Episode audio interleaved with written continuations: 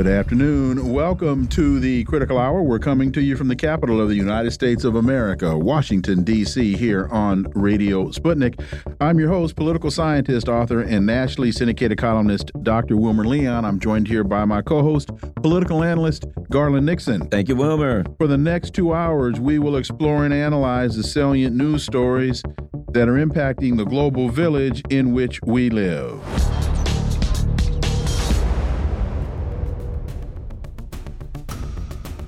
If you go to raymcgovern.com, you'll see a piece entitled My Unanswered Email to Amaryllis Kennedy after she became RFK Jr.'s campaign manager.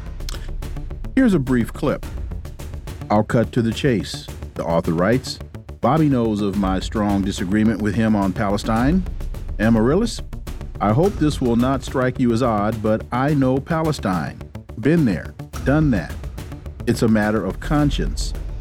I had the imprint of a tear gas canister on my left breast for a while last time I was in Hebron.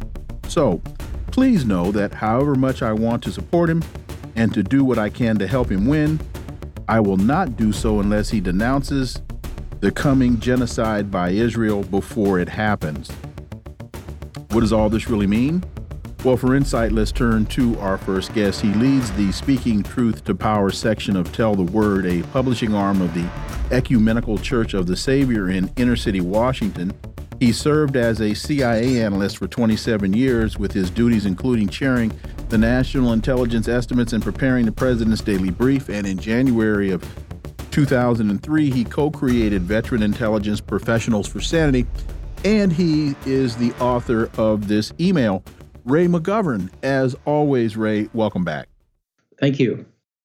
You go on to say, again, it is a matter of conscience, a justice issue. We are called to act with justice. You cannot be selective in picking rabbis. Mine, tried and true, is Abraham Heschel. Quote, when injustice takes place, few are guilty, but all are responsible indifference to evil is more insidious than evil itself. Uh, what compelled you, Ray, to write this email, and why did you think it was significant enough for you to post this on your website? It's a sad story, Homer. Um, I had certain hopes for Bobby Kennedy when he first declared, and indeed, uh, a former best friend of his uh, got me in touch with him, or actually got him in touch with me. He texted me and said, uh, "Really, really would like to stay in touch and have your help." So uh, I had some hopes that uh, this uh, this uh, bi bipolar government that we have, Democrats and Republicans, might be replaced by somebody who knew which end is up and who knew where the bodies are buried his uncle and his father having actually been assassinated by uh, the, the deep state, in my view, and in his view. So, long story short, uh, all of a sudden, Israel came up big time. First, he criticized my good friend Roger Waters, and then I could see things were going down down real deep. And Dennis Kucinich quit. I haven't talked to Dennis, but I think I know why. Uh, and when the October 7th uh, Hamas raid into Israel happened, well, I gave him my last best shot. I said, look, uh, unless he denounces the coming genocide, hadn't happened yet, okay? Uh, unless a moral figure pretending to some sort of, uh, uh, you know, ethical values denounces this before it happens, my God, it's going to happen. And I will have no part of anybody refuses to denounce this.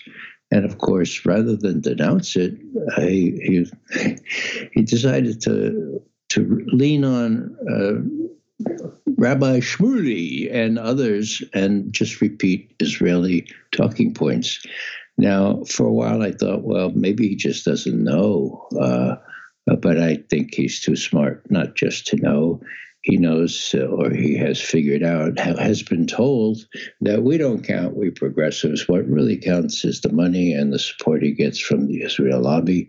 Can't win the election without that. So the hell with you, progressives. And it's the same tone, as I say later in that letter.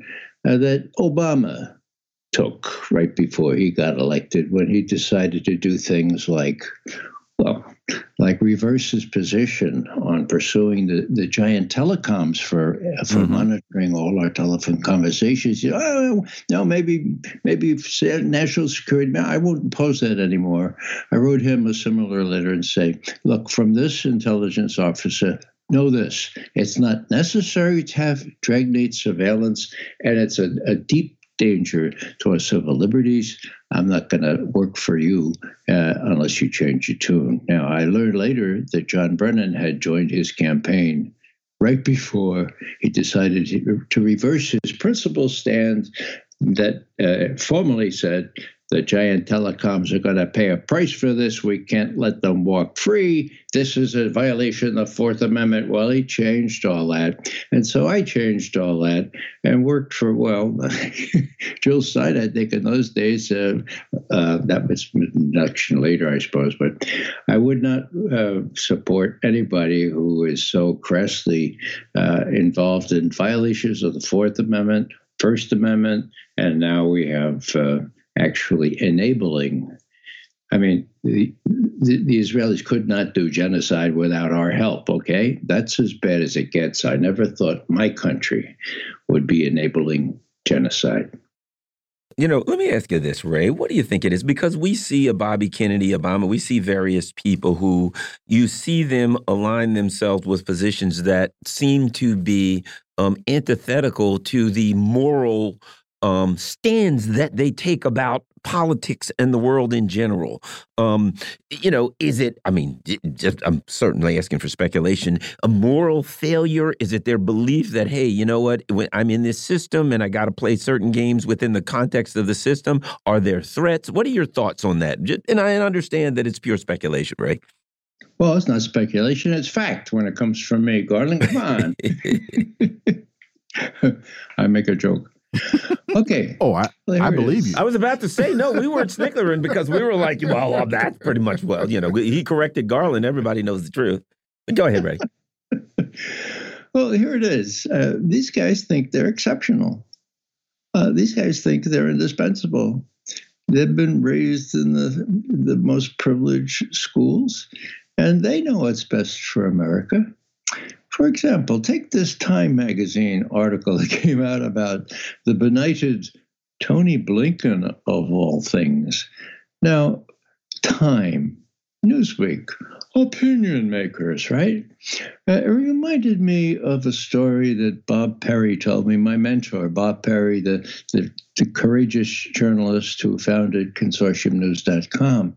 He said he was sitting in a little group when he was hired by Newsweek. Corporate came down from New York. It was a little group with a fellow named Dick Cheney and, and Brent Scowcroft, who had just stopped being National Security Advisor. Okay. And Brent Scowcroft, without any real reason, uh, said, you know, uh, my uh, my replacement, John Poindexter, is going before the the committee in Congress uh, this uh, Tuesday, and I would tell them, look, what we told what we told uh, Ronald Reagan about what we did extra legally there in uh, Iran Contra. I would say I would testify uh, that we never told the president anything. Now, Bob Parry was not accustomed to the ways of Washington, so he could not prevent dropping his fork into his shrimp cocktail and spontaneously saying, General Scowcroft, uh, do you mean to say that you would advise your successor to lie to Congress? Silence. All 12 men silence for about it. And then the head of Newsweek put his arm around Bob as now, Bob, sometimes you have to do what's best for the country. Okay, there you go, guys. They know what's best for the country. They think Tony Blinken supporting Israel full bore is best for the country, and so they, do this, uh, do this, uh, what's what's do this sort of incredibly favorable article in Time just recently.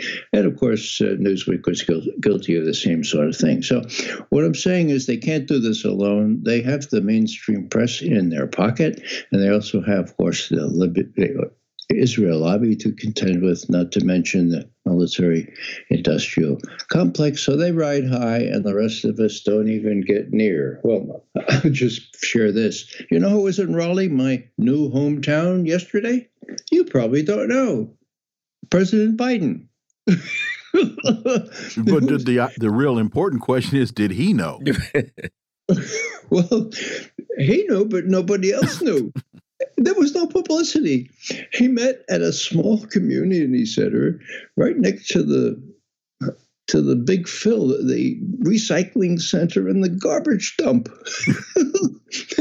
and the rest of us were kept a half mile away from where he was. No publicity at all. Now, this was supposed to be a, a campaign stumping operation to get get to get support from North Carolina, but there, there, was no PR and no possibility of getting anywhere near that near that community center. So Matt Hoh and I were both there. We tried to get there. We, we couldn't figure out a way to to infiltrate that little meeting. So what am I saying? I'm saying that this guy is really strange. His his people were so intent on not letting him get asked questions such as were posed to Bobby Kennedy a short week ago that they sealed off the perimeter. And despite this being a campaign stop, no publicity before or the after after publicity was that he stopped at a at a barbecue shop to get uh, to get a hamburger. That was it before he got back on a plane to go back to Washington. Incredible. So what we have here is the media cooperating with the White House wants, and nobody's going to ask Biden any questions, uh, much less Bobby Kennedy anymore, if they have their say. To your point about the Time Magazine piece on Tony Blinken, the American Conservative has a piece Anthony Blinken is overrated. Despite the bouquets from media outlets like Time, Blinken seems to possess an undistinguished disdain for the actual practice of diplomacy. Your thoughts on this assessment of him and uh, your insight is really invaluable because of the role that you've played um, in in the intelligence uh, uh, apparatus of this country and the comings and goings of folks whose paths you have crossed, and I, would say a, a diplomat or two, uh, Ray McGovern. Well, the author of that piece about the Time magazine piece is James Carden, mm-hmm. who an advisor to the State Department for some years and who is who really knows which end is up. So it's a really good assessment. He points out the, what a fatuous fellow uh, Blinken is, and how he's not taken seriously anywhere outside the mainstream media in this country. Uh, folks like uh, like uh, Time magazine. Now, Blinken is worse than that. I mean, this is not feckless. He protected the chairman of the Senate Foreign Relations Committee, a fellow named Joe Biden. He protected Joe Biden from people like Scott Ritter, like myself, and others that said there are no weapons of mass destruction in Iraq. It's a it's a fraud months before the before the invasion.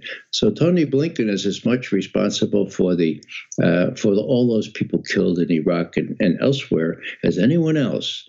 What else? Well, you know, he's liable for prosecution because of one thing he did in 2020. And what was that, Ray? uh, all of a sudden, Hunter Biden's laptop surfaced and the stuff on it was scurrilous, but was also damning in terms of evidence that he and Daddy were taking bribes. Okay, what are they going to do about this? Well, Tony Blinken calls up his old pal. Uh, who used to be acting chief of the CIA and says, "Hey, there's a debate coming up with Trump. We got to figure out how how are we going to handle this, Hunter Biden? Let's say the Russians did it." so, this guy, what's his name here? Uh, Oh, Mikey Morell is his name. So Mikey Morell calls 50 former intelligence chiefs, okay, directors and so forth, and they sign a statement. This bears all the earmarks of a Russian intelligence disinformation operation.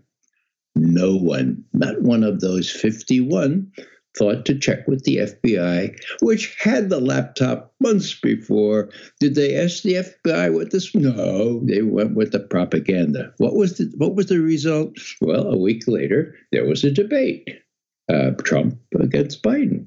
And Trump, unwise still to the ways of Washington, says, Now, uh, Mr. Biden, how about that laptop, that scurrilous, uh, showing you took some bribes there? And Biden says, Mr. Trump, haven't you heard? Uh, 51 intelligence directors, former, have called that uh, the result of a Russian intelligence disinformation operation. Forgot that. Didn't you know that, Mr. Trump? End of story, end of debate. And, you know, it was just a week later that the election took place. So now, if it's illegal to lie like that uh, and get uh, 51 former intelligence officials to lie about that, then if uh, that redheaded guy comes in, and uh, I won't comment on what I think of that. Uh, he is vengeful, let's face it, and Tony Blinken can end up in jail. That's one reason. That's one reason why they think they can't lose in Ukraine. Then they'd lose the election. Then they'd lose their freedom. But they can't lose in Israel either because the lobby is too strong. So that's Tony Blinken. He's a wimp. And the last thing I'll say is that seven plus weeks ago, after his last visit in Tel Aviv, he said, We made clear to the Israeli leaders that there has to be a clear plan in place that puts a premium on protecting civilians as well as buildings and putting humanitarian assistance getting into Gaza. Blinken told reporters in Tel Aviv, and the Israeli government agreed with that approach seven and a half weeks ago. So Tony Blinken does not tell the truth. Yeah, well, and and you know what we see from him is a guy who goes over there and says something like, "Well, you know, they're they're doing everything they can to protect the Palestinians. You know, Tony Blinken is always the guy who just spouts the narrative, uh, Russia's losing or whatever. He's a guy who is uh, just hollow. There's a narrative there, and Tony Blinken uh, uh, just blurts it out, and everybody looks at him and thinks, well, everybody knows that's not true, but we know his job is no matter how absurd it is to continue to push the narrative and and, and that's the hollowness i think of tony blinken ray yeah, and our job is to expose that. And that's why I'm delighted to come onto your program each time I get invited.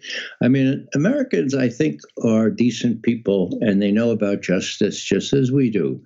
And once they know what's going on here, once they see the, the genocide, for God's sake, the genocide in against the Palestinians in Gaza, well, you know, it's just a fraction of how how effectively can we can get the word out.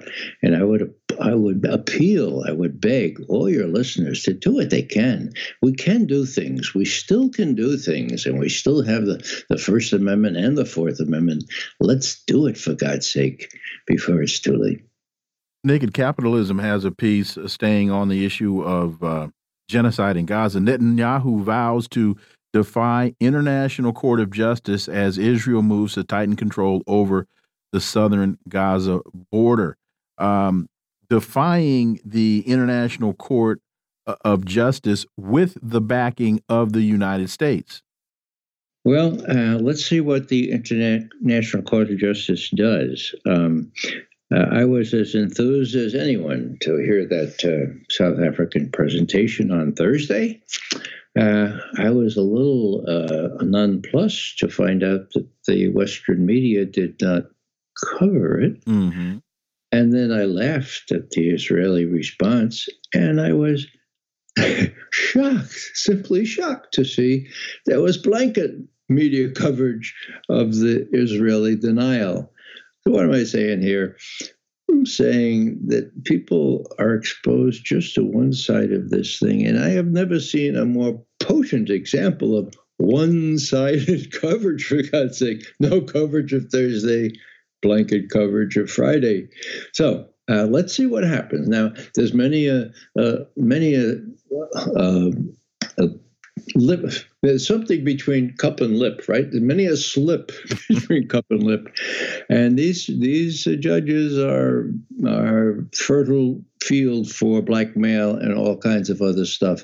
Let's see if any of them are dragooned into doing the wrong thing, and even if they do the right thing, then comes the crucible: Will Biden and Blinken still? Will they still come out in support of this genocide, despite the whole world knowing what's going on. Ray McGovern, as always, thank you so much for your time. Greatly, greatly appreciate it. And have a wonderful weekend, and we look forward to having you back. You're most welcome. Folks, you are listening to the Critical Hour on Radio Sputnik. I'm Wilmer Leon, joined here by my co host, Garland Nixon. There's more on the other side. Stay tuned.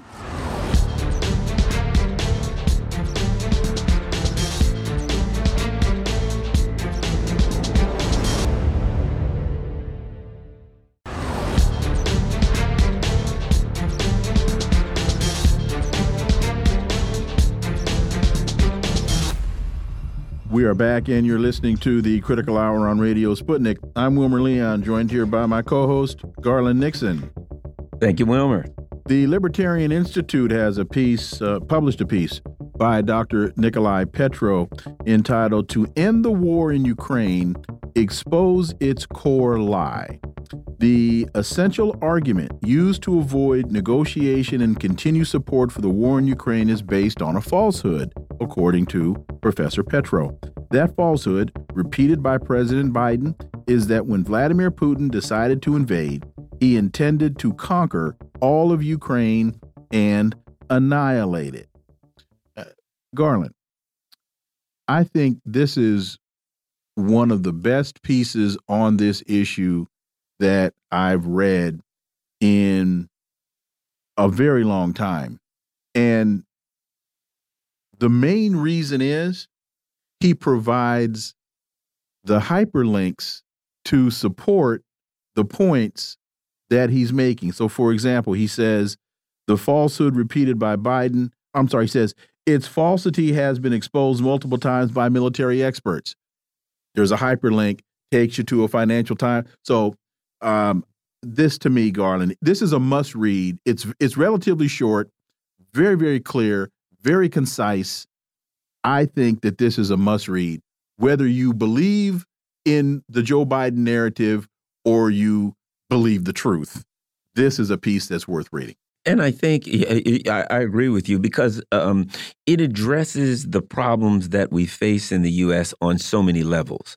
You know, because indirectly, it it addresses the issue of the propaganda war on you know the American people and the and the people in in the West because what he's saying is this look if we're going to deal with this thing we need the truth right? Mm -hmm. And mm-hmm. what do we, we, you know, oftentimes we talk about the issue with propaganda, the issue issue with trust in the media. Even a few minutes ago with Ray, what were we talking about? We were talking about Tony Blinken et al., who were what launching a propaganda war against the American people. Well, this thing is out with uh, Hunter Biden, so we're going to try to. Um, direct the American people to a particular narrative where don't examine it to see if it's real or not because we'll give you a, a false narrative, right? Mm -hmm. In order to get to the, to get the country back on track, where it is what the promise of a republic, a democrat, democracy, or whatever, right? It's based on what informed voters. That's why you have a First Amendment. Exactly. So he says, Professor Petro writes that the uh, the essential argument is based on a falsehood re repeated by Joe Biden. There is a hyperlink that takes you to the White House website, remarks by Biden on the U.S. response to Hamas terrorist attacks. And the president gives his usual uh, greetings. And then he says that most movingly, I met with the Israelis who had personally lived through the horrific horror of the attack by Hamas on the 7th of October and more than 1,300 people slaughtered in Israel, including at least 32 American citizens. This was Joe Biden framing the attack as though October 7th was the beginning of the conflict, totally ignoring 75 years of oppression of the Palestinian people by the Zionist government of Israel. It, it, it's before October 7th, nothing in the world had taken place. And you know, when you get to what uh, uh, Dr. Petro was getting at, it's the same with that. You know, it started February 22nd. Well, what happened to 2014 and the ongoing uh, uh, heat, hot civil war in Ukraine since then? What happened to 2008 in Budapest, where there was a discussion where the Russians made it clear look, NATO, if you try to come into Ukraine, that's a red line. You know, there's ample evidence that there was um, all, all, the red lights were flashing in the Ukraine prior to this uh, conflict to, to, to, to make it clear that if NATO tried to move into Ukraine, that there would be some kind of a military smash. It was fairly obvious. And, and, and what that comes to, to me, is this. If, in fact, the people in power knew that what they were doing would call, cause a military smash, and they did it anyway. Their intent had to be for a military smash. So, what Dr. Petro is getting at is let's get the truth out here so we can deal with this. But the other side of it is if the truth is out there, it will reveal a very evil conspiracy of the people who run the U.S. empire. And you and I have been saying for a very long time, uh, thank God that President Putin. Thank God that President Xi. Thank God that Raisi in Iran are thoughtful, um, patient, calculating individuals, that they don't just react in a knee jerk. because I think that's what Tony Blinken, that's what Joe Biden, that's what so many others in the administration, I think, were hoping for. They're really trying to bait Kim Jong un into an action. They're trying to bait. Now, I seem to recall a two, maybe two and a half years ago, Ukraine sent, we'll say, what, a thousand troops to the border. And if I recall this correctly, I'm too bad we lost Ray McGovern because he could he would remember this. But if I'm right, President Putin called President Biden and said, look, you need to move these troops off of my border because if you don't, my response will be asymmetrical and disproportionate. And Biden called Ukraine and the troops were taken away from the border. That exchange right there never seems to get discussed. When President, and, and I think it was that exchange that resulted in that was in April of um, uh, probably 20, 22, 21 or 22. And that exchange resulted in a meeting in Geneva, Switzerland right, yeah. between President Biden and President Putin. And President Putin told Biden, I'm giving you my security demands in writing, and I expect your response in writing. And what happened? Nothing. Radio silence. The United States ignored it. Well, in fact, what they said was this is this is not even a starter. And if I'm not mistaken, the NATO people said something like Russia doesn't have a say in this. Uh, and, the reality is this well, what you're saying, if you say they don't have a say in that, then their options are very, very limited, and military is about it. If you won't talk, if someone says, hey, you're encroaching on my space and you refuse to discuss it, then the obvious action, which again. Well, wait a minute. The first thing is if if you say, if I say you're encroaching on my space, and you ignore me, but you claim to be defending sovereignty in Ukraine, you're disrespecting my sovereignty. Right. So that whole thing about defending democracy in Ukraine, defending sovereignty, respecting sovereignty, all of that is nothing but a lie. Yeah, and so it comes down to the other part of a, the thing that I think is important, and that is Professor Petro is saying, look, you know, we've got to get the truth out. In order to mm -hmm. get this settled, we've got to get the truth out. The, the, the reality is this, and it's horrible, but the neocons, the people in Washington, they don't want peace. Number one, they can't afford to get the truth out because the truth is not only Russia. The truth is there's this insane world domination hegemonic thing where they got to get Russia out of the way so they can move on to China and rule the world and all that crazy stuff. But the fact of the matter is this. Dr. Petro is speaking for, I think, the people out here on behalf of the people who want a peaceful world and, and a safe world to live in. But these elites, did this with a plan of the destruction of Russia and the plan of moving forward to enhance their hegemonic power. So I think his discussion is a good discussion for the people, but it's a discussion you gotta you must have in order to get to what Biden and these elites are trying to do, you know, confront China, Russia, whoever, and have this um, continuous war. And might I add one other thing that seems obvious to me, and because it's happening it's obvious that they wanted to destroy Europe also. It's obvious oh. that they intended Absolutely. to um, uh, uh, uh, uh, um, subjugate, impoverish, and deindustrialize Europe. And it's because it's happening. And as it's happening, the European people are suffering, and their quisling elites are saying, oh, we just got to keep doing this, guys. Don't worry about it. Everything will be fine. And we're seeing it in Germany. We're seeing it in France. We're seeing it in Britain. Poland now. Did we're you know they're having huge protests in Poland? We're seeing it in Poland. And what is a result of a lot of that is the rise of the right. Because, you know, one of the things that um, that uh, Joe Biden likes to say about Donald Trump is Donald Trump, he, he he's now doing a lot of uh, he's invoking the name Hitler, and he's saying that you know Donald Trump is like Hitler and all of this other kind of stuff. And here's something that people need to understand: dictators don't come from nowhere. Dictators are dictators enter into the spectrum to fill a void that is usually created by social unrest or injustice and economic. If you look at the at the at the economy of the Weimar Republic before the rise of Hitler, hyperinflation, things were spiraling out of control in the country. And the people were looking for a strong man in order to rein things in. It wasn't that Hitler just sprang out of the, the faucet. There were circumstances that there were economic and social circumstances that created the groundwork in order for a Hitler to arise.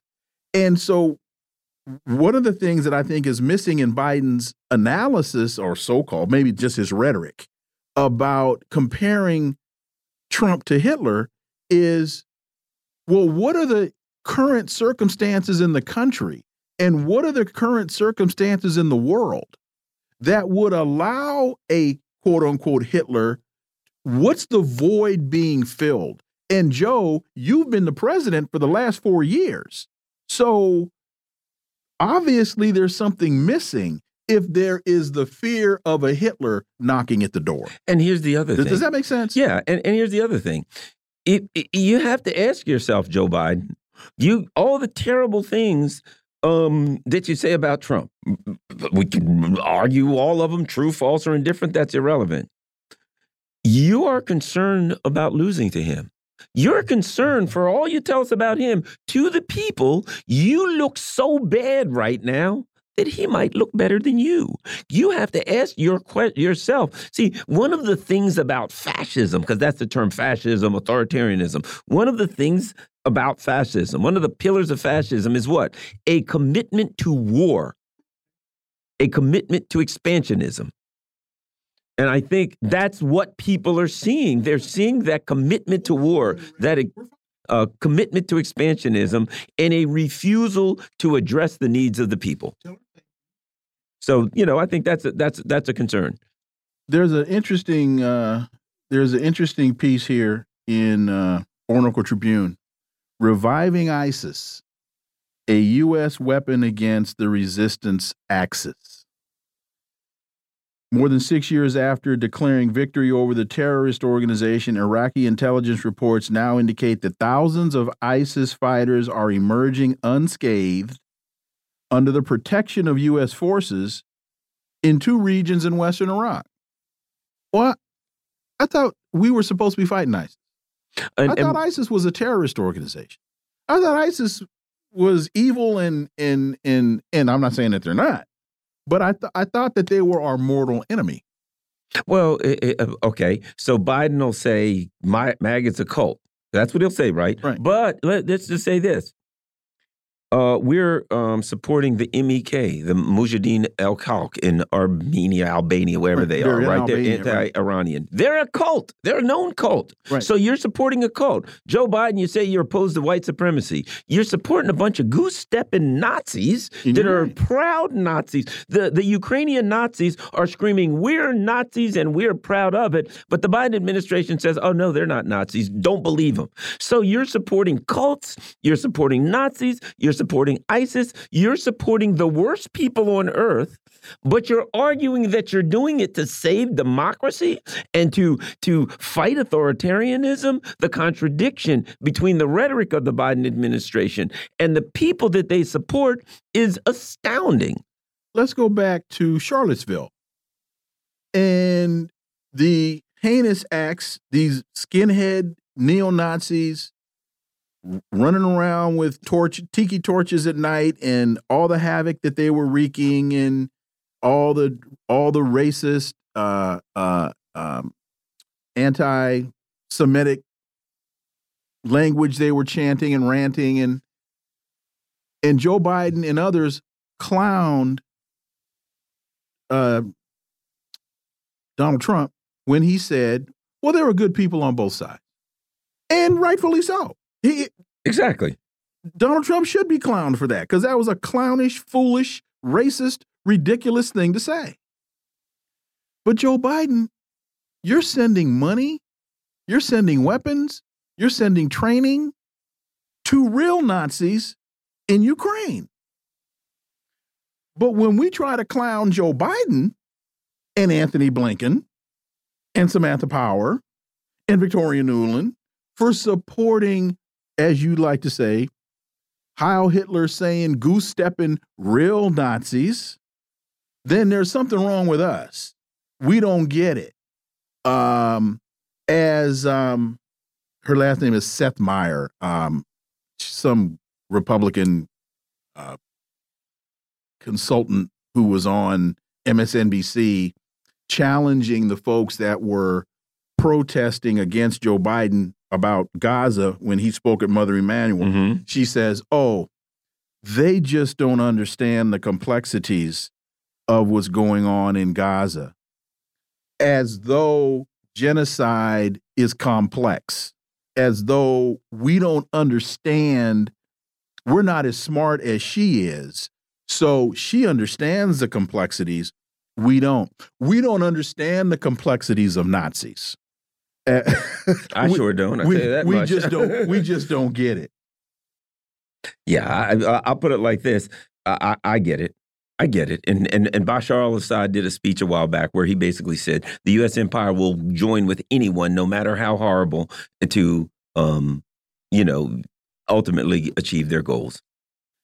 Orinoco Tribune, Washington and, Yun and London bomb Yemen. Ansar Allah not deterred. First of all, Orinoco Tribune properly refers to them as Ansar Allah, not the Houthis and not the Iranian backed Houthis. Uh, this is proving, I believe, President Putin's point when he came out and said to Joe Biden, Why are you sending the USS Gerald Ford into the Mediterranean Sea? You're not scaring anybody. These people don't scare. And Washington and London bomb Yemen, Ansar Allah not deterred. We have heard speeches by al Houthi saying, bring it. We want it. We want to fight you. And the United States doesn't seem to understand a culture that is hundreds and hundreds and hundreds and hundreds and hundreds of years old that understands how to fight. I, I, would say this. I think uh, a couple days ago, Joe Biden was interviewed, and he told the truth, the story, the truth for a mm -hmm. change. He said that, that he was asked, "Is is you know bombing the, the bombing Yemen is that working?" And he said, "No." No. And they said, "Are you going to keep doing it?" He said, "Yep." Yep. and I think it's this. Well, look, if you look around there, that's the only country that really doesn't have much of an air um, defense system. So it's like, I mean, if they were honest, they'd be like, well, but everybody, we have to bomb them. Anybody else has an air defense system that could shoot our planes down. So, I mean, they're the poorest country in the region. Uh, we've already bombed Afghanistan. We're out of poor countries to bomb. So we had to move to Yemen. We can't very well bomb somebody that could defend themselves, for God's sake. Although Yemen is seems to be doing quite a job of addressing and, the situation. And folks, if, if you get the chance, go to Orinoco Tribune and just look at the photograph that's uh, uh, associated with this article. Washington and London bomb Yemen, Ansar Allah not deterred. Millions of people rally in, in Sana'a, Yemen on the 12th of January against United States UK aggression. When they say millions of people, there are millions of people out here, Garland.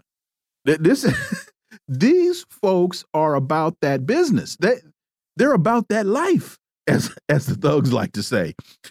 they're about that life. They they're they're serious about what they're doing. And there, when I was down at the rally on uh, this past Saturday, I took a photograph of a guy carrying a sign that said, "It's impossible to defeat a people who know that death is not the end." that to me spoke volumes about the mindset and the mentality. And that's a piece of this that I think gets gets dangerously overlooked. They can talk about weapons, they can talk about missiles, they can talk about money, but but uh, when when when you when you're up against somebody who tells you in a fight, you better take me now, because if you don't, you're going to have to fight me every single day at noon. I'm going to be standing right here, and yeah. every time you walk by, it's me and you. You got a problem on your hands. Yep. And if I die, and my son will my show son up in my place, and if he dies, then his son will show up in his place. And when the daughters and the wives get involved, yeah. it's a commitment to principle as opposed to a commitment to power and money.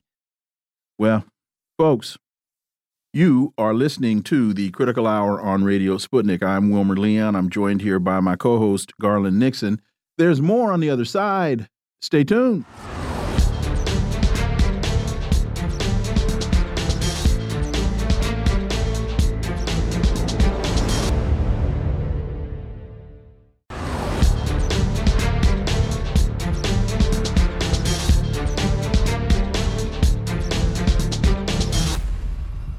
We are back, and you're listening to the Critical Hour on Radio Sputnik. I'm Wilmer Leon, joined here by my co host, Garland Nixon. Thank you, Wilmer. The New Arab has a piece entitled Why Arab States Didn't Join the U.S. led Red Sea Task Force.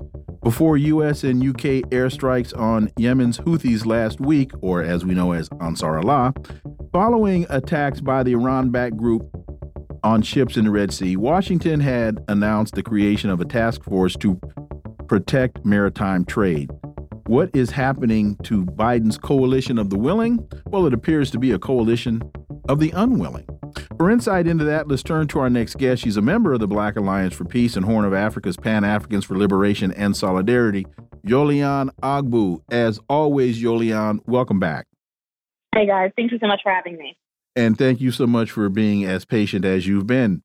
Uh, before we get into the details of that story, uh, the the real the reference to Ansar Allah as being Iran backed.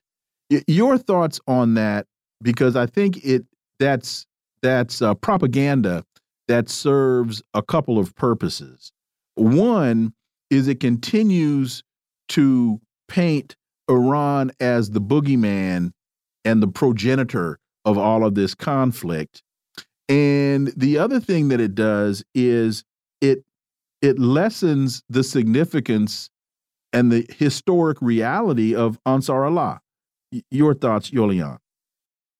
It does this because the U.S. is on a demonization campaign against Iran. Um, and I think at every moment that it has, it needs to make this as easy for people to digest and figure out, you know, who is the bad, the boogeyman here, like you said, or who's the villain. And they so badly want this to be Iran in, in the people's eyes, in the masses' eyes. And it's interesting because the government is really, the U.S. is in a very awkward position because they're not just fighting the regular old geopolitics, they're also fighting a lot of the um, social media trends and how people are digesting and consuming this information and make coming to these conclusions on their own. So, I mean, the Yemeni rebels are actually becoming quite popular on social media, and I think it's really they, they need to find ways to demonize them as much as possible, whether that's you know officially designating them as terrorists, um, like they did er, earlier this week, um, or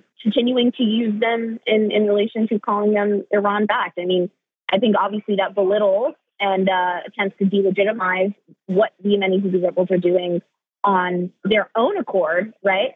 And they're the ones getting senselessly bombed. Like how Iran is not physically in Yemen, you know. So I think that that's that's definitely a part of their demonization campaign. You know, I, let me, let me oh, go ahead. Oh, go ahead one, yeah. one quick point, and and uh, Yolian, correct me if I'm wrong here. It's important, I think, because Garland and I were talking about mindset, and and you have to understand the motivation of people. Ansar Allah, what that means is the the, the helpers of God. That that's what that the the helpers of Allah and that Right. that comes from the Quran when the prophet may peace be upon him they were going from uh they were going to Medina from Mecca and there were people in Yemen that took them into their homes and helped the prophet may peace be upon him so if if you are muslim and you have that mindset that you are actually doing the work of God. And now I'm not talking about in the in the in the uh, Christian re Republican that political. That's why I say these folks are about that life. This is what they do. Is that is that uh, rhetorical on my part, Yolian? No, I mean, yes, I think it's obvious what what you know their name being being that and being so explicitly you know something that they're calling themselves like supporters of God. I think is really um, a testament to their purpose and, and why they're doing this. I mean, Yemen is out of all the countries to be involved in, in, in taking a stand against um, the genocide and doing something really, really admirable, actually making a serious impact.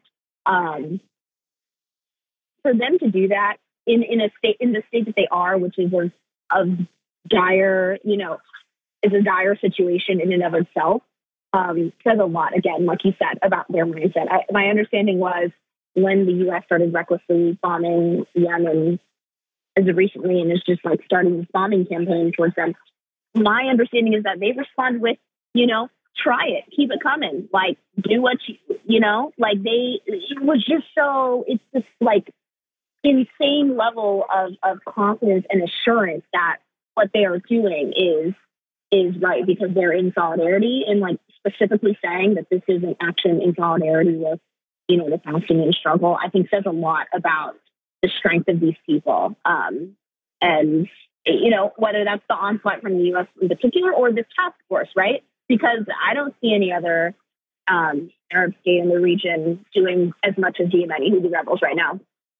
And, and another thing that's critical here, and that is when you look at a poor country like Yemen, um, who can disrupt trade um, by affecting a major world trade route, you then see this is why the United States was doing all of this chicanery and all this tomfoolery in um, the Horn of Africa. One of the reasons, and it can be a lesson to the other countries in the Horn of Africa, in the region, that they have a lot more bargaining power than they actually know, and that they can utilize that bargaining power ultimately um, to the to their to their own good. Your thoughts?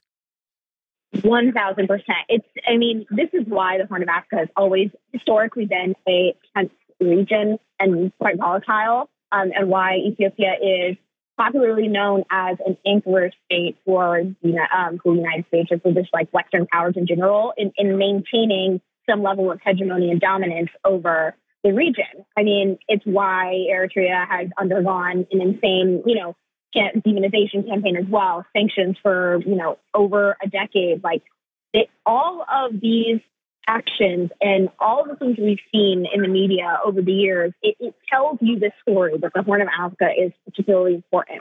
And when a country like Yemen, who has not, you know, not much to give themselves and are going through so much themselves, for them to take this stand um, and it, for, for it to make a difference, like a real, real material difference, um, says a lot. But also, right, connects to what's going on in Somalia. So I think it's obvious that the U.S. is not going to let the Horn of Africa have some level of sovereignty or, or, or independence, at least not without a fight.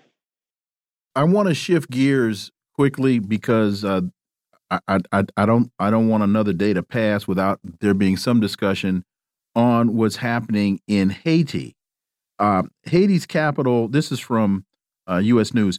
Haiti's capital, Port-au-Prince, was on lockdown yesterday as flaming barricades across several neighborhoods forced residents to shelter in place or return home in the latest flare ups in chronic, what they were referring to as gang violence, plaguing the Caribbean country. And beyond what's being done there and how horrific it is, um, I think it is, is also very important not only for us to focus on what's happening, but to understand the why. And as the United States has been trying to convince Kenya to send troops into into Haiti on behalf of the United States, it, I'm wondering what's the real problem in this latest flare up? How organic is it versus are there the hands of the United States in this creating another conflict that it then claims it must go in and suppress? Yolian. Yes. So this is not a surprise. The news of Port-au-Prince being um, under lockdown. Um, of course, we all agree that gang violence has been on the rise, but we can't really be have an honest conversation about um, gang violence in Haiti unless we understand the role that the U.S. had to play um, as of recently. I know that with you know the news cycle largely being dominated by um, the conflict in um, or the genocide in Palestine.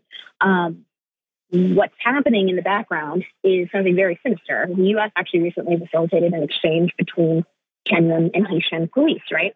And then prior to that, has been fighting this kind of like um, this resolution that they brought up, and uh, you know, it's it's being uh, talked about in the Kenyan courts, so it's not necessarily um, 100% resolved yet, but there is an active push for um, Kenyan troops to occupy Haiti, and their main purpose for for bringing this up or making this deal happen is to quote unquote gang violence, right? Because of the issues involving that. And it's funny because it's not funny, it's terrible, but it's just really wild to see that that they find the the solution to gang violence in Haiti to be sending um, Kenyan military troops.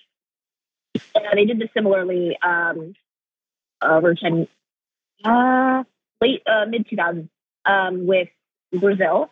Uh, Brazil did the same and sent military troops at the time too, um, because they felt as though this was going to do something, you know, to impact the, the violence there. But it's interesting because you have the deteriorating conditions of Haitians, thanks to the U.S.'s involvement, thanks to the deterioration of the Haitian state and people vis-a-vis intervention and pluralism and um, just their overall policy, predatory policies towards um, Haiti. Not only that, but there is actively an arms exchange happening in um, to, uh, to these gangs from the U.S. So you're talking about the U.S. is going to, you know, help facilitate the the the, the stop to um, Haitian gang violence while continuing to arm them and sending Kenyan troops to somehow stop this.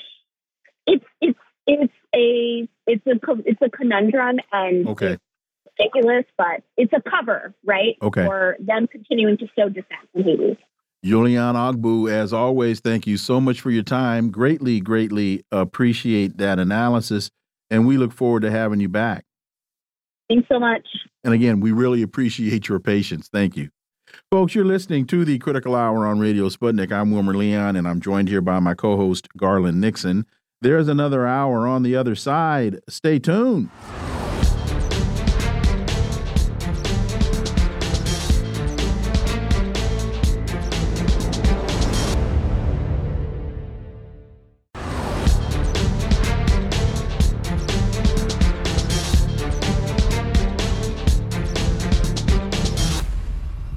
We are back, and you're listening to the Critical Hour on Radio Sputnik. I'm Wilmer Leon, joined here by my co host, Garland Nixon. Thank you, Wilmer.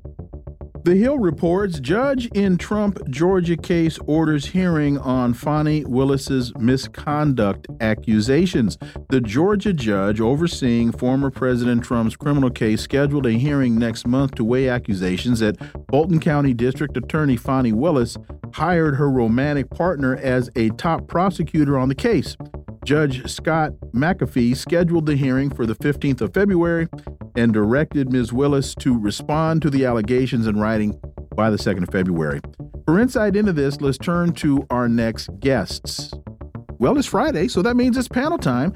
Our first panel, we're joined by the host of AM Wake Up and Slow News Day, which you can watch live on Rokfin and Rumble and listen anywhere podcasts are served. Steve Poikonen. As always, Steve, welcome back. Thank you very much, gentlemen. Great to be here. We're also joined by an independent journalist whose work can be found at Substack and thepolemicist.net, Dr. Jim Kavanagh. As always, Jim, welcome back. Always a pleasure. So, the accusation first surfaced last week in court papers filed by an attorney for Mike Roman, a Trump 2020 campaign operative who was one of the former president's co defendants in the Georgia election interference case. The filing did not contain any hard proof of the alleged relationship. Roman said the purported relationship between Willis and Special Prosecutor Nathan Wade makes the indictment fatally defective and asked the judge to dismiss the charges. He also asked the judge to block the Fulton County District Attorney's office from further involvement in the case. Dr. Jim Kavanagh, is there where there's smoke there's fire. Where there's steak there can be sizzle. Uh, what do we have here? I don't know. It's, you know it's again politics turning into uh, soap opera. Uh, you know and it's just hysterical because uh, she's now accusing the guy who's accusing her of being this is a politically motivated prosecution you know it's no kidding. You know as trump is accusing them of a politically motivated prosecution no kidding. Everybody's private life is on the line. You know i don't know what take the guy off the case. I, I, you know is it fatally compromised? I have no idea. But this is the woman who's also bringing these rico charges against not only donald trump but against the cop city protesters. You know it's it's a very dangerous the whole thing just indicates how dangerous this notion of you know litigating politics uh, through uh, various kinds of uh, scandalous uh, accusations and baloney like this it's just a big clown show as far as i'm concerned. You know uh, jim garland and i were talking about this earlier today and one of the points that that that we were discussing was even if this is all false to a certain degree it won't really matter because the MAGA folks are going to run with it and run with it and run with it. And so it's to a certain degree, whether again it's proven false or not, uh, Mr. Roman has scored some points. Oh yeah, and and exactly. This is political theater uh, that he's created a, a, a, great tableau with, a great scene for himself with, uh, and the MAGA Republicans are going to run with it. And just like the Democrats are running with, you know, Donald Trump cheated on his taxes or whatever. And, and, this is this is what this is what politics has become in the United States. This is what it's going to be between uh, Biden and Trump. You know, is one guy alive and conscious? Is the other guy cheating on his taxes? Is someone cheating on their wife? Is some? I mean, this is the level of politics. There's no real substantive debate about issues that's honest and involves the American people in a way that uh, would come to some kind of real democratic conclusion. Instead, you have these uh, innuendos and charges and you know about that have nothing to do with the with the fundamental political problems of the country and the economic and social problems of the country. Well, and here's my immediate reaction. You know, when someone says you hired your romantic partner as a prosecutor on the case, at this point, if you don't automatically say, oh, no, no, no, no, no, I tend to think, yeah, yeah, yeah, yeah, yeah, that it's likely. Apparently, somewhere around six hundred fifty thousand dollars. This guy got. Um, it's not look it, the early inclinations, the early implications are that something's fishy here, that something's rotten in Denmark. That being said, add that to the fact that you're going after someone saying they're involved in corruption and racketeering and all of those things. And then add this story. Trump seeks info on Fulton County prosecutors meeting with feds. Nathan Nathan Wade, the same guy who's in question, met with the January investigate six investigators and the White House. I really think that's the most damning thing there because if she was involved in corruption, that ain't going to be pretty. That's going to taint the case no matter if they have to get rid of her and move on to someone else, or if they don't, the case is going to be tainted. But the real thing is the argument that this is simply lawfare to take out your opponent, the opposition challenger, if in fact the prosecutor met with the January 6 investigators in the White House.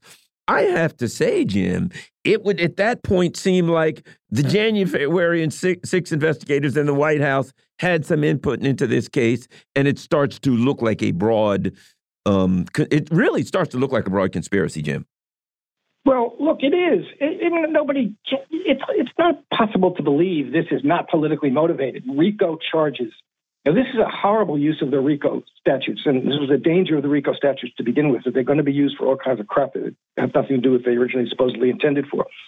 So, you know, look, whether the guy's her boyfriend or not doesn't really tell you anything substantively about the charges. The real point is precisely as you say, the fundamental political use of very repressive RICO laws that are meant for, you know, the mafia uh, to take down a political opponent.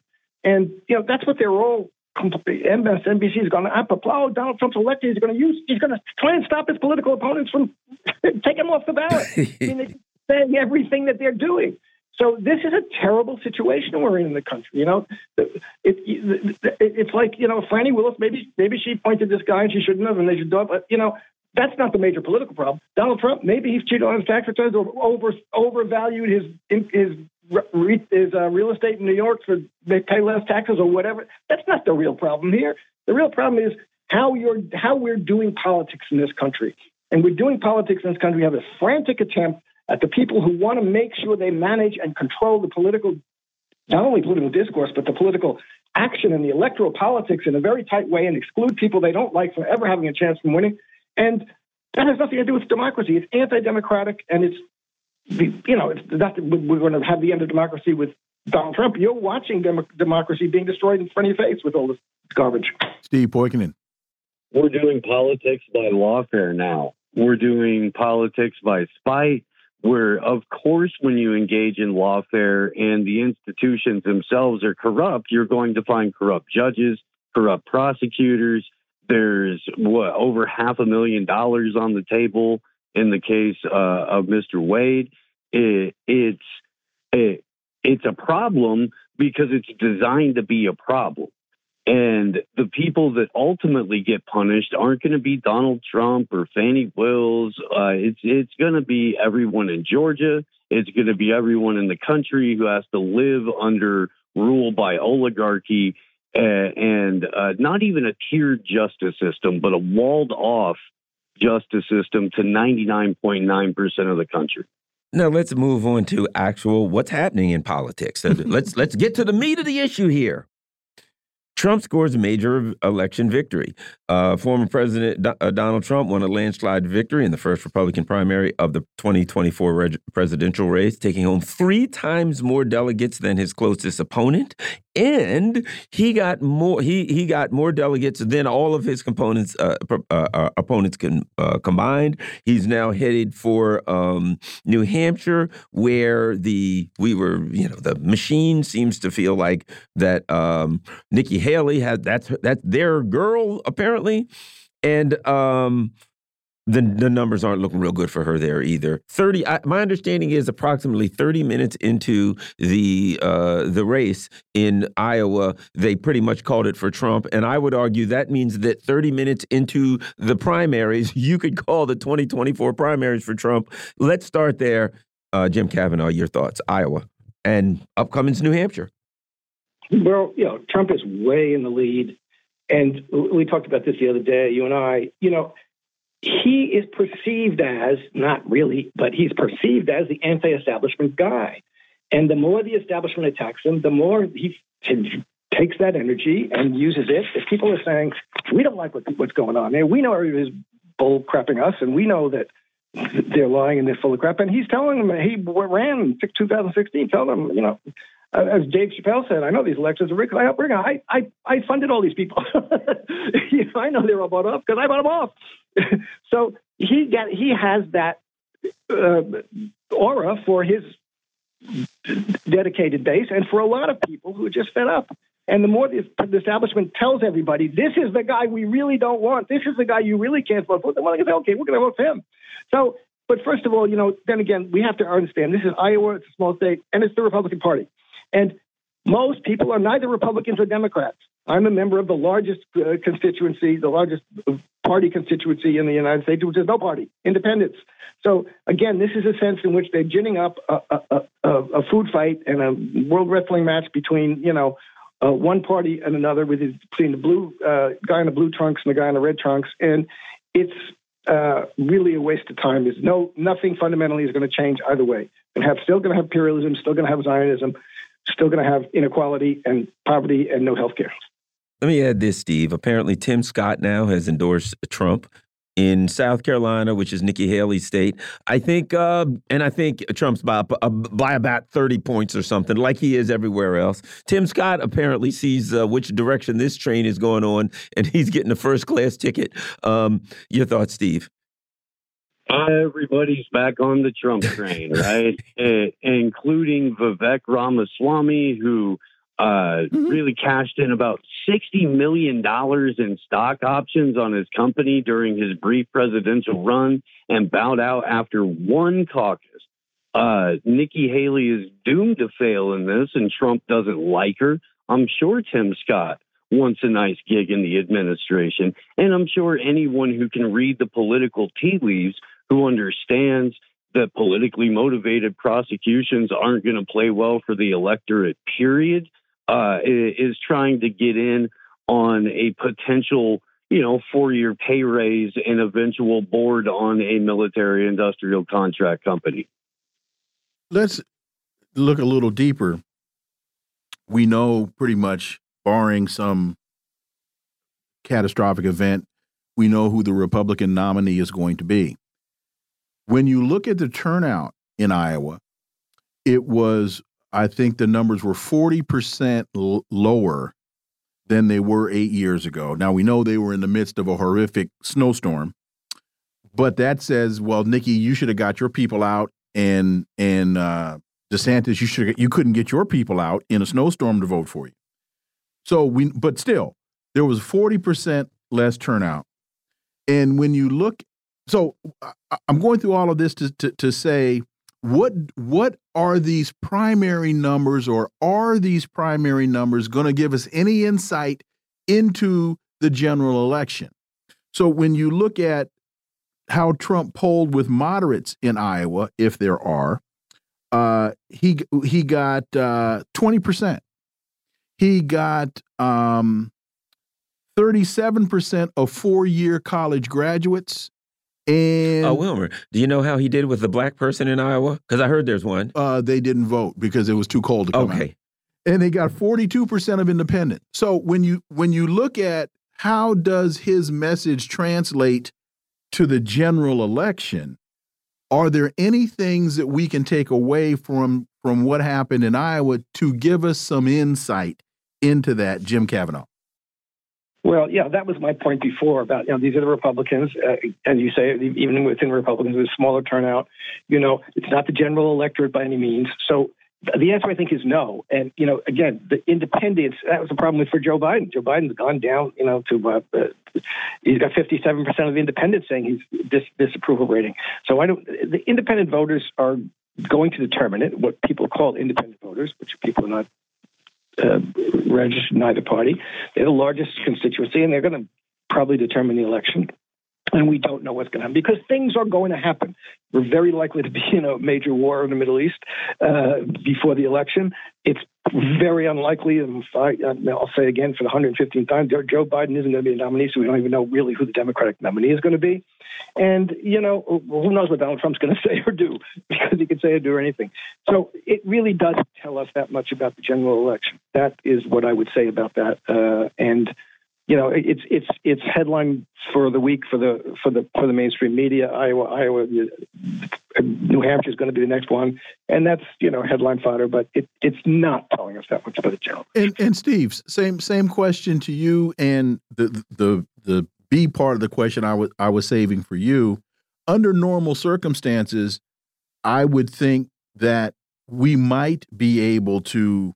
I'm not saying draw any conclusions, but we might be able to have a better informed conversation about the impact of this on the general election. But the problem is, Joe Biden is the candidate right now. On the other side, he has no message, and his Garland and I were talking off off mic that four years ago when he ran, he had no record as president.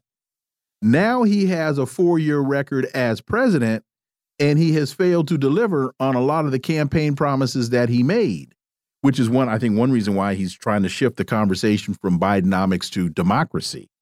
Uh, so, with all of that being said, oh, and another point to Jim that Jim made about the war the problem is we're the ones starting the war. Steve Poikonen. Steve. Is he muted? No, uh, you just you just cut out tremendously there. I'm not. It's sunspots or I, I don't know Chinese hackers. I'm not sure what's going on today. Um, here's there there are some fundamental problems that the Democrats can't rectify, and that's they have a deeply unpopular president who, as you mentioned, has a record. That record economically is terrible. That record in foreign policy is terrible. The uh, his ability to carry on a conversation is, is, questionable at best. None of these things can be spun. Uh, when they try to make uh, a, a you know, chicken cacciatore out of dog do in terms of inflation or the economy unless you are a very specific kind of statistical liar. It doesn't make sense to anybody. The, so, regardless of what happens with Donald Trump, and I really don't think that he'll be able to, they'll be able to prosecute him for much of anything. Um, not to say that they won't, because they make the law up as they go. But uh, I don't think they're going to get what they want out of Trump. But regardless of that, they've got a no win situation going into the election with a candidate who doesn't remember who, what, or where he is 90% of the time, a vice president that is even more unpopular, and a bench as far as the Democratic Party goes of potential candidates that makes the Washington Generals look like the best thing to ever happen to the sport of basketball. You know, I'm gonna uh, uh, I'm gonna ask both of you gentlemen a question, and and, and I'm interested to, to to to get your take on this. One thing is obvious by all of this stuff going on, the freak out on and all this kind of stuff. The ruling elite have decided that Trump is a terrible, horrible um, option. That he is a, you know, they they don't want him bad at all costs to the point where people are literally legitimately asking the question how far will they go? if you know what i mean. Here's my question. We'll start with you jim. The absolute the the the, the neocons the globalists all of them have decided trump can't be president. Jim kavanagh. Why you know, that's a good question. I think it's because he's too unreliable. Uh, it's because of one, what I said before. He got up on that stage and he said, I know all these people are bought off because I bought them off. That's not the kind of thing you're supposed to say. Okay? That's my favorite slogan from uh, 2016. I'm not voting for Hillary or her or her donor. and so Trump got up on stage and said that. Uh, when Trump was was interviewed, I saw a clip of this the other day. Uh, I think it was 2016, interviewed by CNN or someone. Oh, Vladimir Putin's, Putin's a killer, and Trump said, "He's a killer." Don't you think we do some killing? And the guy said, What are you talking about? Well, don't you think we, we, we went to Iraq? I was against, you know, so that was, you don't say things like that. You don't talk back when someone says Vladimir Putin's a killer and so well, we're killers too. Okay. And he called off the strike on Iran. We would have been at war with Iran. He called it off with 10 minutes to go. Everybody wants to forget that. He ordered it and he called it off. So those are two things from both sides that's how unreliable he is to them. Okay, and they were furious at him. Lindsey Graham was furious at him for calling off the strike on Iran that he had ordered. So this is the level of uh, fecklessness and unreliability that, that Trump has. He might say or do the wrong thing in ways that they don't want. They want someone there. They, they, they've seen and they know the limits of his ability to act independently of what they think is necessary, and the fact that he's going to stay within the, the Overton window of thought and action. Jim, you you left you left one before we get to Steve. Jim, you left one very important one out. When we were there was a time not long ago when we were talking about the possible rapprochement between North Korea and South Korea. He walked into the DMZ. May have only been two steps, but he took two steps into the DMZ. And no bueno. No bueno. No. No. Steve. All I was going to say, Steve, is they see him. It seems to me they see him as the biggest threat. So, anyway, once again, why? Well, because he he is the most obvious enemy to polarize people. It doesn't matter what side of the coin the people are on, as long as they pick the side and they're actively involved in a consent ritual that allows oligarchs to go and run roughshod over whatever the marketing may say about the Constitution or the Bill of Rights. So as long as he's the guy, because let's also not forget that uh, that the deep state, the banks, the corporations got everything they wanted out of Trump. The entire GOP platform that Paul Ryan created and nurtured and wanted to get done so deeply, that all got checked off when Trump was in office. The CARES Act got passed, the PREP Act got passed. Two of the largest upward transfers of wealth in recorded human history happened under Trump's watch. We expanded our presence in Africa. We moved NATO closer to Russia. We moved the capital of the embassy in Israel to Jerusalem. He checks off so many lists that if he wasn't the bad guy, it would be the most apathetic election in human history with Dinosaur Joe versus Nikki Haley or Ron DeSantis or some other tub of mashed potatoes. And so he's got to be there because, as Les Moonves said, hey, he may be bad for the country, but he's great for ratings. Jim, you know, when you look, the, the, the, the biggest item on the list to, I think, the answer to a Garland's question is Trump's position with Russia because we know that the elite, the the the major move they have been trying to make is they want to put they want regime change in Russia. And when you listen to Nikki Haley, Nikki Haley is very clear about regime change in Russia. She's very clear about continuing funding for Ukraine. She's very clear about ignoring genocide in Gaza and supporting the Zionist government of. Oh, she sounds a lot like Joe Biden. I'm sorry, I got those. Maybe she's Joe Biden in drag. Or maybe uh, she's Hillary Clinton. Oh, Was it like oh, one of those rubber fake masks like they use? Uh, I hadn't thought about that. That's use. quite possible. That's quite possible. You, you, see my point, Jim Kavanagh? Yes, I do. And and you know it. it uh, but it's funny. I I do take go question has it because even what I'm saying about this, you know, Donald Trump. So Donald Trump said that about Putin. Putin's not the only killer in the world. We're killers too. But I mean, Donald Trump did increase all the sanctions against Russia. He goes with the program at the end of the day, except for the, you know, but, but they, for the most part, he's going to mm-hmm. go with the program. So I really don't understand why they are absolutely so. And maybe the answer is because he brought the pitchforks to the Capitol. You know, Obama came in and said, "I'm not. I'm here to save you from the pitchforks." Donald Trump brought the pitchforks to the Capitol. No, but your point, your um, point about him being inconsistent is spot on because you you never you don't know you can't. Yep. Well, he's, he's, that could be part of you it. Can't you can't trust what he's going to say, but that's hard to do with you know, with an American know, if, president. If you, if you, know, when he left, apparently he had instructed the Pentagon to take all the troops out of Iraq and Syria, and they just ignored it. So some of the things that are necessary to maintain empire. Look, the last thing they want is taking troops out of Korea, and he went over there. Um, Jeffrey Sachs told the story. And he said, Donald Trump went to Korea. And they said, watch this. And they flew this nuclear capable plane right up to the 38th parallel. And at the last second, turned it away. And they said, look what we can do. And we're going to intimidate. And, and, and apparently, according to Dr. Jeffrey Sachs, Donald Trump said, that's crazy. Stop that. So yeah. there are times when Donald Trump doesn't go along with the machine, and they can't even stand for 1% of the time. And the word, Jim, that might go along with what you're saying is consistency because we know what the financial markets want is consistency.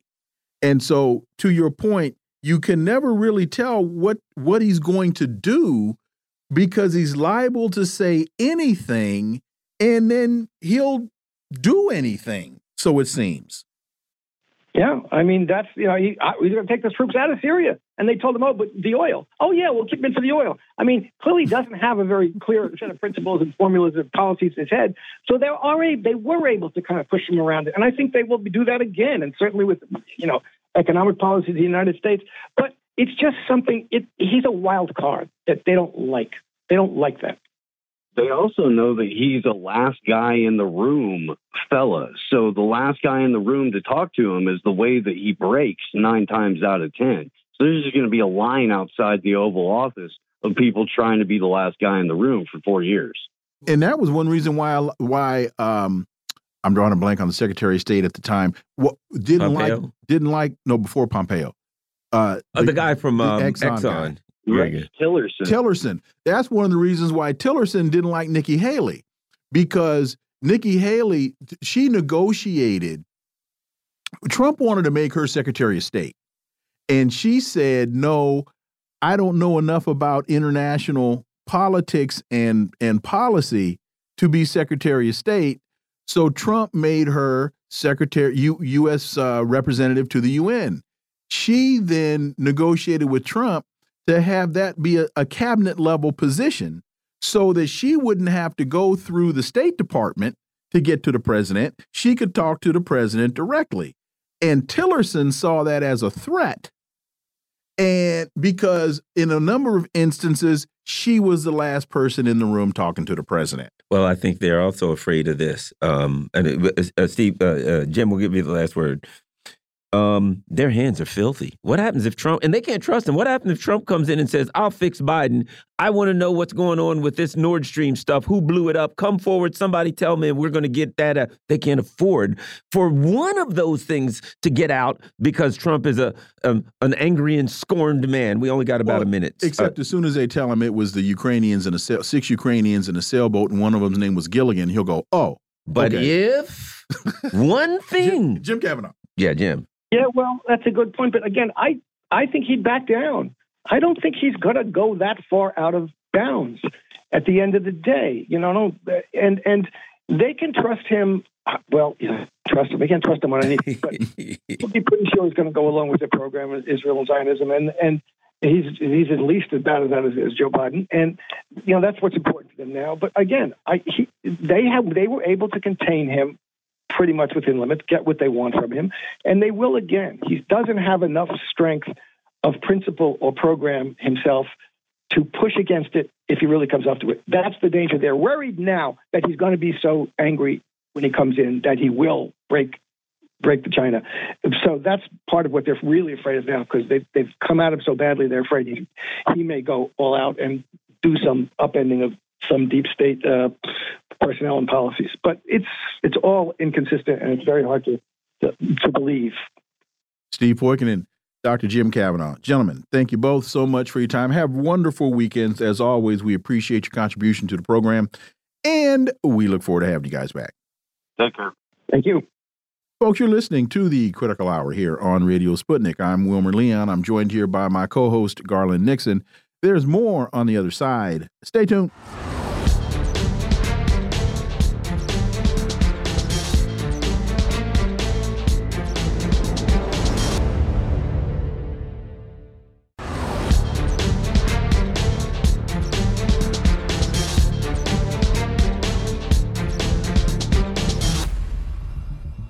We are back, and you're listening to the Critical Hour on Radio Sputnik. I'm Wilmer Leon, joined here by my co host, Garland Nixon. Thank you, Wilmer. Ansar Allah targets U.S. owned tanker. Netanyahu rejects Palestinian statehood.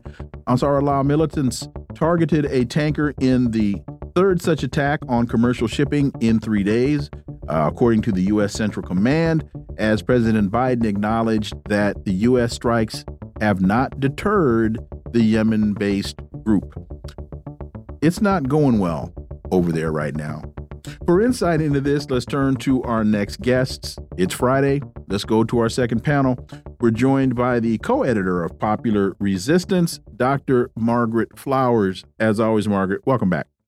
Thank you. It's wonderful to be with you. We're joined by the chair of the Coordinating Committee for the Black Alliance for Peace and editor and contributing columnist for the Black Agenda Report, and the Green Party candidate for Vice President of the United States in 2016, Ajamu Baraka. As always, Ajamu, welcome back.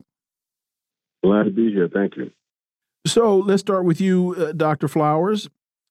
Israeli Prime Minister Netanyahu said he told our American friends that he opposes Palestinian statehood after the war, despite the U.S. allegedly emphasizing the importance of a two state solution. That, along with Ansar Allah, is targeting U.S. owned tankers uh, in the Red Sea, Dr. Margaret Flowers. Right. So let's be very clear about what's happening in Palestine right now. The state of Israel is, you know, waging genocide against them. Their their goal is really to displace the the Palestinians completely from their land. They've been open about this. They've been blatant about it. The U.S. administration knows that. Um, so you know, any kind of saying that they're trying to press Israel to be better or support a two-state solution when you know everyone knows that that's not possible, con- considering the amount of land that is the state of Israel has stolen from the Palestinians. Um, I mean, this is all just it's just talk, and the United States is completely backing this assault on the Palestinians. And you know, we could stop this right now if the U.S. said no and told them to stop and stop providing weapons and money and political cover to Israel. It would stop. Now, in terms of what's happening in the Red Sea, I think it's really interesting that uh, the country of Yemen is basically um, imposing a type of sanction on the state of Israel because of its, you know, it's party to the Genocide Convention, and they're they're very clear that once Israel stops, they'll stop as well. Um, so the U.S. instead of respecting that is inflaming the whole situation in that region uh, by conducting these illegal bombing raids on the country of Yemen without any, you know, any advisory from Congress as well. Ajamu Baraka, your thoughts? Well, I'm gonna tell you, I I I, um, I applaud um, Benjamin uh, Netanyahu. He's finally uh, said in public what we all knew to be uh, the policy of the uh, Israeli Zionist uh, government uh, from the very beginning. and even after the 67 war, where the so-called two-state solution was was advanced, there's always um, a, a desire, an objective to to continue with the expansion of the Israeli state. Uh, and but you know this two-state solution was bantied around as a um, uh, a, a, possible solution. It uh, it it was advanced to uh, placate some of the more conservative elements of the uh, Palestinian bourgeoisie, uh, and to placate, of course, uh, the supporters of Zionist project uh, in the U.S. But everybody knew, especially when it became quite clear that the U.S. was unable to halt the aggressive expansion of Israeli settlements in the West Bank, in the, the very territories that were supposed to make up the Palestinian state, that the uh, two state solution was mainly just a, a propaganda ploy. So uh, finally, because of the new political realities, Benjamin Netanyahu finally said in public what everybody knew, and that is, uh, let's quit playing with this, with this two state thing. There will be no uh, a viable Palestinian state. In fact, we are going to continue to expand, and we want full tactical control from the river to the sea. So this this really, you know, not, not only does it expose uh, uh, Israeli policy, it has really created a real political dilemma for the supporters of of, of Israel, uh, who you know were were pretending like there was a, a possible solution to the situation in Israel Palestine, short of the Israeli government uh, being overthrown. Uh, Margaret, it's something just interesting, and this may seem small, but I'll throw it out there. You know, we've had people in the U.S. who are attacked from using the term from the river to the sea. It's genocidal against the Israelis if you say to, from the river to the sea. However, Netanyahu is in the process of performing an actual genocide at this time. It's going on right now. And he can say from the river to the sea. And it's not that that implies a genocide. He's committing a genocide. Right now, there are court proceedings against him for genocide. And he can say from the river to the sea. But if you and I were to get on CNN tomorrow and just utter the term from the river to the sea, well, what do you know? We're genocidal maniacs. The contradictions here, Margaret. Oh, it's a huge contradiction. And I think that it's a, it's a, a wake up call for folks in the United States, or it should be the the McCarthyism that's going on right now, the retaliation against people who are supporting Palestinian, you know, liberation, whether it's uh, people demonstrating or people in, you know, universities, media. It's just it's taboo in the United States right now, you know, to be supportive of of the Palestinian struggle and and yet, you know, this is, as you said, this is an occupation. This is an illegal occupation by the state of Israel on Palestinian land. It's in, you know, it it defies international law. War crimes are being committed there daily, and yet there continues to be this impunity and the attacks on anybody who dares to say, you know, the truth about what's happening. It's mind-boggling. Ajamu, your thoughts? Well, of course, it is. It is. It is the contradictory uh, policies of of um, a settler colonial state um, that um, has the full backing support of the United States of America. But in that support now, they've the U.S. the Israel Israelis have created a real dilemma for the U.S.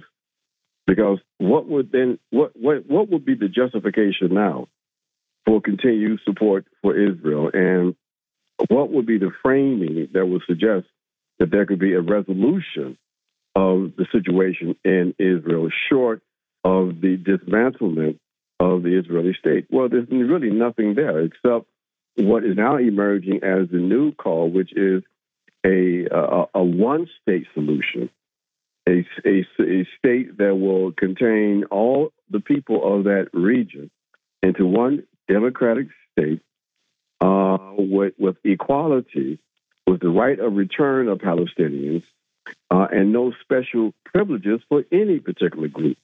Now, that call for, for democracy, of course, is, is seen as a threat because it would, as some people see, it would eliminate the Jewishness of this national ethno state, which is what is in place now a, a Jewish ethno national state uh, uh, buttressed by uh, a racialized apartheid system. But that system is no longer viable politically as a consequence of their own uh, arrogance in defying the entire global community. You know, Margaret, um, that that brings to mind something. You know, but Wilmer and I, some other friends, a lot of people that we know, were in Washington D.C. over the weekend for this gigantic protest rally, right? And so the Zionists uh, uh, you know, philosophy is kind of look, Jewish people wouldn't be safe anywhere else. They've got to come here where they'll all be together and they'll all be safe, right? So this is and if you say I disagree with Zionism, I disagree with uh, you know what Israel's doing, whatever it is, you, you know the anti-Semitism is thrown at you. When I was at this march, there were so many Jewish people there holding up signs. One could argue that in America, at the leading edge of the opposition to what's happening in, in, in, in Israel right now are Jewish Voices for Peace, and Jewish people are helping to lead the um, the fight against this. Your thoughts on that whole dynamic, Margaret Flowers? Yeah, no, I mean that's that's an amazing thing, and I think we're seeing that in Israel as well. Is that you know people who have been you know benefiting from the occupation of Palestine for a long time are suddenly recognizing the liability that it poses to them. That you can't, you know, you can only repress a people for so long before they're going to say you know enough, and so that that puts you know creates an, an insecure situation for Israeli citizens. But you know, it's also creating a situation for uh, Jewish people in the United States. And I think people are finally starting to see that. And you know, if you look at the polling numbers, there's uh, there's you know data showing that more and more people of Jewish faith in the United States are you know are rejecting the Israeli project, the Israeli occupation. And so I think those voices are incredibly important. Uh, the fact that they're out there in such in taking really strong actions because um, it's not just the marches, but they've been, you know, shutting things down and, and going into political spaces and confronting political leaders. And um, I mean, we're, we're, witnessing a genocide unfolding right in front of us. Um, and so it, it needs to be, everyone should be supporting the Palestinian struggle. Everyone should be calling for a ceasefire and, and that those who are committing genocide, including the people in the United States who are complicit with the Israeli genocide, need to be held accountable. And it's it's really great to see the work that's happening. You know, you mentioned uh, going after uh, Netanyahu, but I think it was just today in in Davos that Switzerland's going after after Isaac Herzog, the president of Israel, and and you know. Uh, investigating him. I think that's that's what's going to have to happen to stop this. And, um, uh, Ajamu, as we see more and more Jewish people throughout the world, but particularly here, rallying, leading the protests, fighting against um, uh, the Zionists, um, doesn't that really, to me, demonstrate the colonialist and imperialist nature of of Israel as a tool of imperialism and colonialism in the Middle East, where they can launch their attacks on the Middle East, where they can use their um, intelligence assets in Africa, the Horn of Africa, etc. uh, Ajamu? Well, look, that was always the special project for for Fort Israel as an outpost uh, for Western and U.S. Uh, power in West Asia. The problem for Israel, though, is that with the changing conditions in West Asia and in the world, the significance of the Israeli project was was was being diminished, uh, especially when you start seeing some of the diplomatic um, um, inroads that were being made uh, with, for example, the agreement uh, between uh, Saudi Arabia uh, and Iran to normalize relations. And so, you know, it, it's and the and the continued uh, power of, of Iran, even after years of, of iso- attempted isolation and crippling sanctions, et cetera, et cetera. So, you know, the interesting enough, the what made what made uh, this the situation really uh, fortuitous for the Netanyahu government.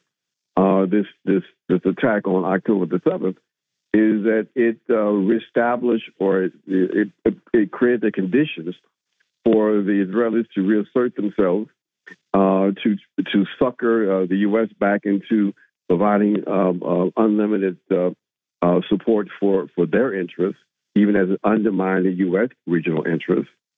Um, and it created the conditions now where basically the U.S. is either going to have to continue with its support or, uh, in essence, be, uh, end up being jettisoned from uh, from West Asia. So, you know, this is this is these are all uh, situations that could have been avoided if the uh, Biden administration was much more clear about protecting its own interests as opposed to being suckered into uh, advancing the interests of the most one of the most right wing governments ever to assume power in Israel. And the consequence of that now is that they have a real dilemma, not only in Israel, but throughout the entire region. And uh, Margaret, there's a um, there is a article that says Israel Prime Minister Netanyahu says that the Gaza war could continue into 2025. So that takes us through the upcoming 2024 presidential election. Joe Biden's approval rating is already in the toilet. I think he's got like a 60% uh, disapproval rating. And he's losing uh, Arab Americans in Michigan and other states across the country. He's losing African Americans a lot of it behind this genocide that we're that we're experiencing. And I haven't seen the numbers on it yet, but to the Garland's point about what we saw at the rally, there are a lot of Jewish Americans that I think are going to have a real hard problem voting for Joe Biden. So, how do the Democrats square this circle where they are putting American tax dollars behind genocide against the the the against uh, the will of the American people, and they're also losing the the narrative. that the, they can't support the uh, the action anymore. I think you know what's happening right now in Western Asia is a huge turning point, I think, in the United States and also globally, because it, it's, you know, the, the, the veil has fallen now. I think people see that the Democrats are a war party just as much as the Republicans are. Um, you know, there might be minor differences in them, but let's remember under Trump, uh, the steps that were taken, you know, moving the quote unquote capital to uh, to Jerusalem, and you know, um, a lot of changes trying to normalize relations that, that the Trump administration undertook, and then the Biden administration has been also making changes that that prop up and support Israel, changes in how we are able to supply them with weapons without oversight or accountability. So, I mean, this is. I think people are seeing that it, it doesn't matter which political party is in power. This is this is what this country is about. Uh, it's not going to play out well for the Democrats, but I also think that globally this is a huge problem for the United States because so much of the world is now just seeing that just how far the United States is willing to go, backing, fully backing a genocide of a people in front of the world. So um, I think this is going to have huge ramifications uh, not only for the election, and I'm sure that the Biden administration is not happy about this continuing, you know, past or even through November of this year. Um, but I think we don't even know the full political fallout of what what this means for the United States domestically and globally. And Ajamu, same question to you, and adding when you listen to Nikki Haley, not really articulate policy because I haven't heard her do so, but she does spew talking points. She's anti Russia. She's pro Ukraine. She's pro Israel. She sounds just like Joe Biden. So, Ajamu Baraka. Well, you, look, there's a bipartisan uh, consensus when it comes to the, the assertion of, of U.S. global power. And those positions articulated by Nikki, Nikki Haley and the fact that uh, her main um, donors are, in fact, representatives of the of the uh, of finance capital, U.S. based finance capital, it shows where their interests are and, and, and what they would like to see as the continuation of of neoliberal um, uh, internationalist policies. So there's no question about that, and that's why there's still some concern among some of those elements around the possibility of a Trump administration, that the Trump administration would not be as aggressive as the uh, as the neoliberal Democrats have been in advancing this militaristic strategy to maintain U.S. global history. I mean, uh, U.S. global hegemony. I mean, if you look at the at, at, at, the Biden administration, from from the very beginning of the administration, it's quite clear what the agenda was. The agenda was to advance a a, a military first strategy. He came into office in January, and by February, I think people may have already forget, forgotten, he was bombing Syria. And that was an unconstitutional act. And then just a few, then in March, he, he assured the Ukrainians that the U.S. would support uh, the military takeback of Crimea and, and parts of, of, of uh, eastern uh, Ukraine. Uh, and then a few months later, even as they were uh, withdrawing from Afghanistan, you know, by June he was bombing Iraq and Syria. So this, and then of course we know six months later, and, and, and basically seven months later in February, you have this major war in Eastern Europe. So the agenda was quite clear. There's a bipartisan consensus among the neoliberal fascists that are in control of, of this state. So as Margaret said, you know, in, in many ways, it doesn't won't really matter in in uh, November who's going to win because what the who's going to govern. Because what happened with the first Trump administration was that even though they were nervous about Trump's aggressiveness in terms of advancing their project, eh, people forget that by the last year and a half, two years of his administration, he was in essence governing as a neoliberal. And they suspect that that will be the same case uh, now, especially now that he has built a consensus among the ruling class that targets uh, China as the main enemy.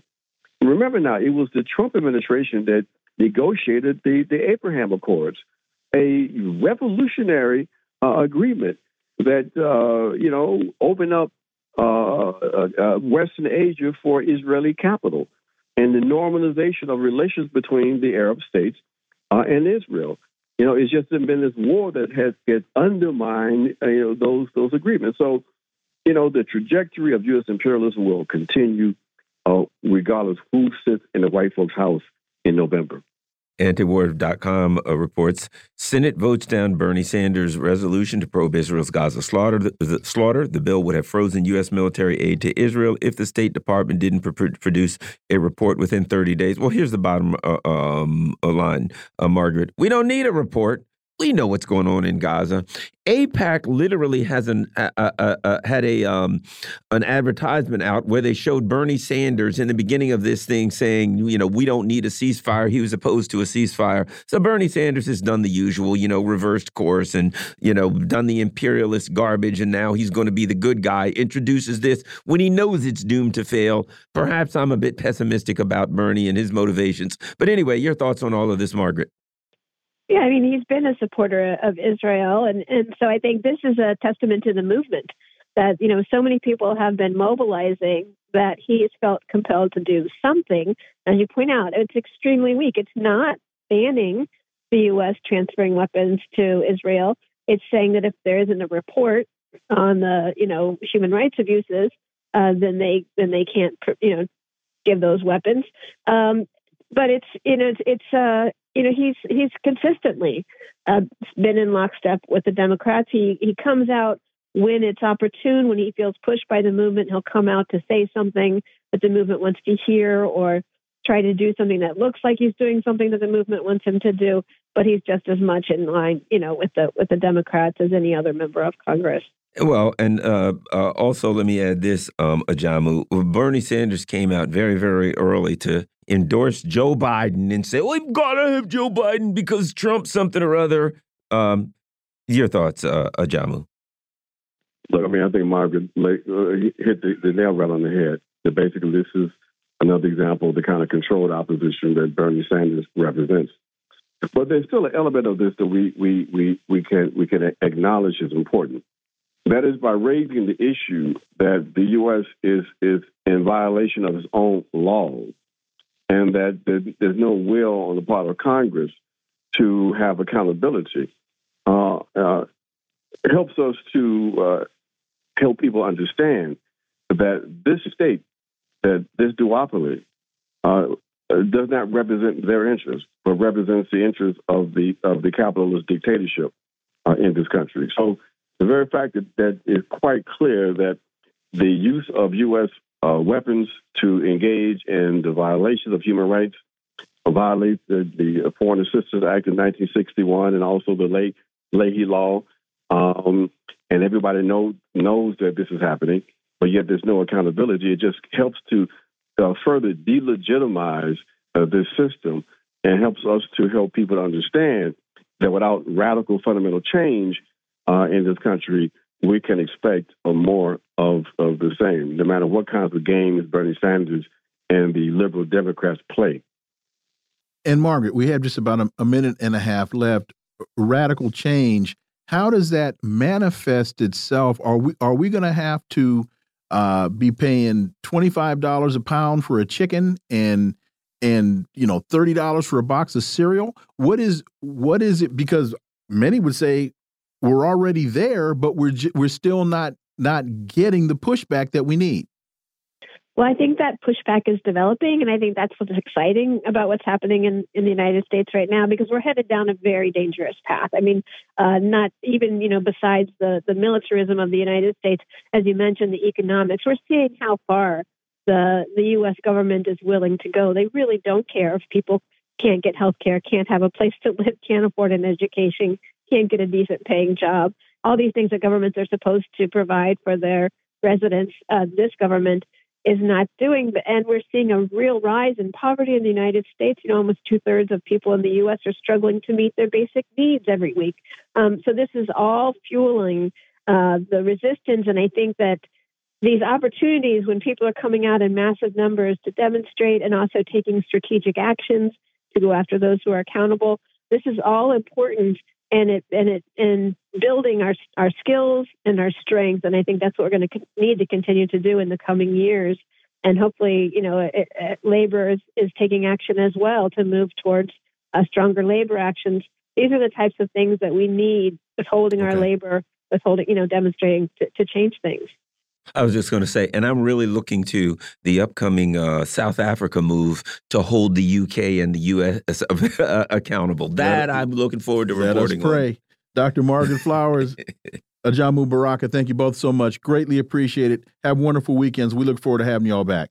Thank you. Thank you so much. Folks, you've been listening to the Critical Hour here on Radio Sputnik. Thank you for allowing our voices into your space. On behalf of myself and my co host, Garland Nixon, we hope you were informed and enlightened, and we look forward to talking with you all right here next week on Radio Sputnik. Be safe.